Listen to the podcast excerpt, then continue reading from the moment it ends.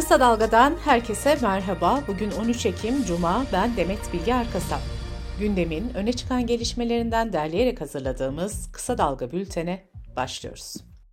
14 Mayıs seçimlerinde Hatay'dan Türkiye İşçi Partisi milletvekili seçilen Can Atalay'ın tahliye ve yargılamanın durdurulması talebiyle ilgili Anayasa Mahkemesi'nden yine karar çıkmadı. Yüksek Mahkeme bir üyenin dosyaya hazırlanamaması gerekçesiyle görüşmeyi erteledi. Bu karara CHP'nin eski İstanbul İl Başkanı Canan Kaftancıoğlu mazeret yargısı diyerek tepki gösterdi. Kendisinin ve Selahattin Demirtaş'ın dosyalarında da aynı mazeretin gündeme geldiğini belirten Kaftancıoğlu, mazerete değil, adalete ihtiyacımız var dedi. Türkiye İşçi Partisi'nin Genel Başkanı Erkan Baş'ın Can Atalay ve diğer gezi tutukluları için başlattığı özgürlük yürüyüşü 12. günü geride bıraktı. Milletvekilimizi cezaevinde tutmaya devam ediyorlar diyen Erkan Baş, mücadeleye devam edeceklerini vurguladı. CHP'de olaylı İstanbul Kongresi'nin yankıları sürüyor. Adaylardan biri olan Cemal Can Polat, bazı delegelerin ve delege yakınlarının Özgür Çelik'ten yana tutum sergilemeleri için Ekrem İmamoğlu tarafından işe alındığını iddia etmişti. Kongrede yapılan bu konuşma CHP içinde tartışma yarattı. Grup Başkan Vekili Ali Mahir Başarır, Can Polat'la ilgili disiplin süreci başlatılacağını belirterek haddini bildireceğiz dedi. Ekrem İmamoğlu da parti tarafından disiplin işlemlerinin yürütüleceğini düşündüğünü belirtti. Meclisin açılması ve Cumhurbaşkanı Erdoğan'ın tüm partilere çağrı yapmasıyla gündeme gelen yeni anayasa çalışmalarıyla ilgili Adalet Bakanı Yılmaz Tunç'tan açıklama geldi. Bakan Tunç, yeni anayasanın bilim insanları ve üniversitelerin katkılarıyla yapılacağını söyledi. İçişleri Bakanı Ali Yerlikaya, çetelere ve uyuşturucu satıcılarına yönelik operasyonlarla ilgili son bilgileri paylaştı. Bakanın açıklamasına göre 120 günde 375 operasyonda 2874 şüpheli gözaltına alındı, 702'si tutuklandı. 38 mafya tipi çete çökertildi. Bakan ayrıca Ayhan Bora Kaplan soruşturmasında 9 polisin açığa alındığı haberlerini de doğruladı. CHP Adana Milletvekili Müzeyyen Şevkin, meclise yazılı soru önergesi vererek 28. dönem milletvekillerinin mesleki dağılımını sordu. CHP'li vekile gelen yanıta göre mecliste 96 farklı meslekten milletvekili görev yapıyor. Listenin başında iş insanı, avukat ve akademisyenler yer alıyor. Adana'da bu yıl 12-15 tarihleri arasında 6.sı yapılması planlanan Çukurova Rock Festivali valilik tarafından yasaklandı. Festivalde Ceza, Selda Bağcan, Manuş Baba'nın da aralarında olduğu 20 sanatçı sahne alacaktı. Festivali düzenleyen Milyon Yapım, festivalin alkolsüz yapılması, 18 yaş altı katılımcıların etkinliğe alınmaması gibi şartları kabul etmelerine rağmen organizasyonun son anda yasaklandığını açıkladı. Kısa Dalga Bülten'de sırada ekonomi haberleri var. Ticaret Bakanı Ömer Bolat'ın indirim çağrısından sonra Türkiye Tarım Kredi Kooperatiflerinden açıklama geldi. 16 Ekim'de başlayacak kampanya kapsamında süt, peynir, pirinç, nohut, mercimek, ayçiçek yağı, salça, çay, un gibi temel ihtiyaç ürünleriyle deterjan, sabun, peçete, kağıt havlu gibi temizlik ürünlerinde %50'ye varan indirim yapılacak. Bakanın çağrısının ardından A101, BİM, Migros gibi zincir marketler indirim kararı almıştı. Mobilya sektörü de zam yapmayacaklarını açıklamıştı. Çalışma ve Sosyal Güvenlik Bakanlığı emekliye 5 bin liralık ikramiye ilişkin yasal düzenlemeyi tamamladı. Düzenleme kapsamında 12,5 milyon emekliye toplam 61 milyar liralık ödeme yapılacak. Çalışma ve Sosyal Güvenlik Bakanlığı'nın ev kadınlarına yönelik emeklilik çalışması başlattığı belirtildi. Sabahın haberine göre isteğe bağlı sigortalılık kapsamında üçte bir prim desteği verilecek.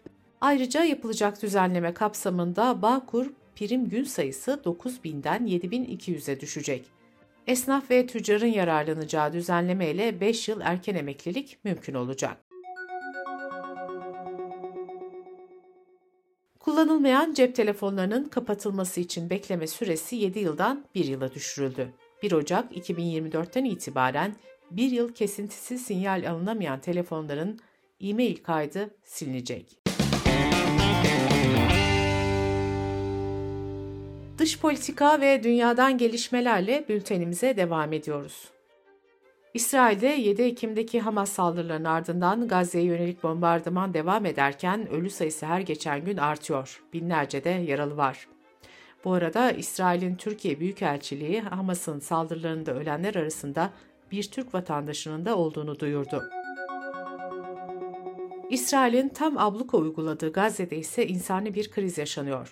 Bölgenin tek elektrik santrali yakıt yetersizliği nedeniyle faaliyetlerini durdurdu.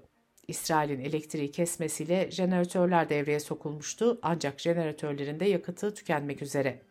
Gazze'nin en önemli hastanesinin sadece 4 günlük yakıtı kaldı. Uluslararası Kızılaç Örgütü hastanelerin birer morga dönüşeceği uyarısını yaptı.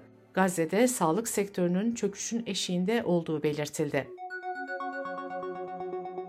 Birleşmiş Milletler, İsrail bombardımanları nedeniyle Gazze'de 338 binden fazla kişinin evini terk etmek zorunda kaldığını duyurdu. Durumun tehlikeli olduğunu vurgulayan Birleşmiş Milletler, insani ateşkes çağrısı yaptı. Öte yandan Birleşmiş Milletler adına bir araya gelen bağımsız raportörler Gazze'ye yönelik harekatı toplu cezalandırma olarak tanımladı. ABD Başkanı Joe Biden, İsrail'i Hamas'ın saldırılarına karşılık verirken savaş kurallarına ve hukuk devleti ilkelerine göre hareket etmeye çağırdı. Birleşmiş Milletler Genel Sekreteri Antonio Guterres ise Gazze'ye yakıt, gıda ve su gibi temel ihtiyaç malzemelerinin girişine izin verilmesini istedi. Bölgede çatışmalar sürerken sosyal medyada da doğrulanmamış ve dezenformasyon içeren bilgi ve fotoğraflar dolaşıma sokuldu.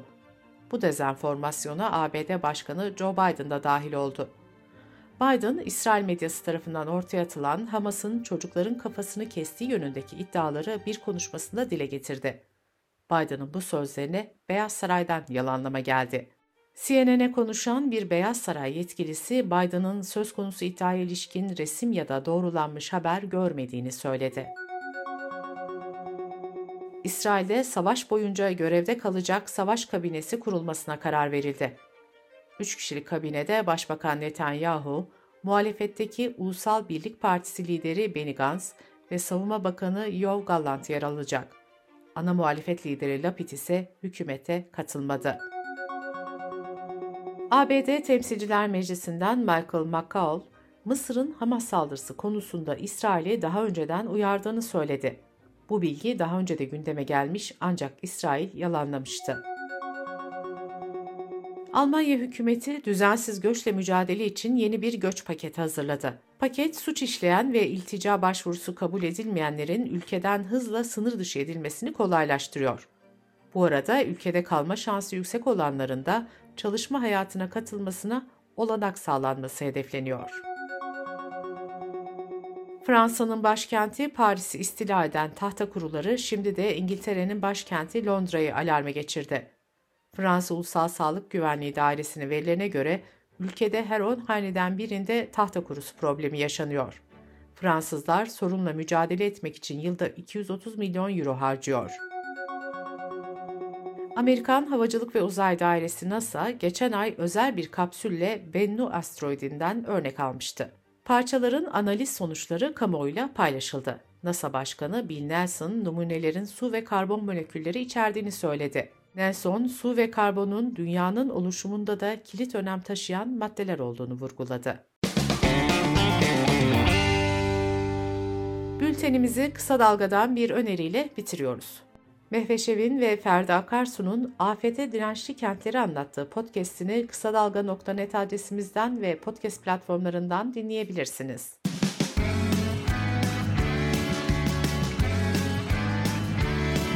Kulağınız bizde olsun. Kısa Dalga Podcast.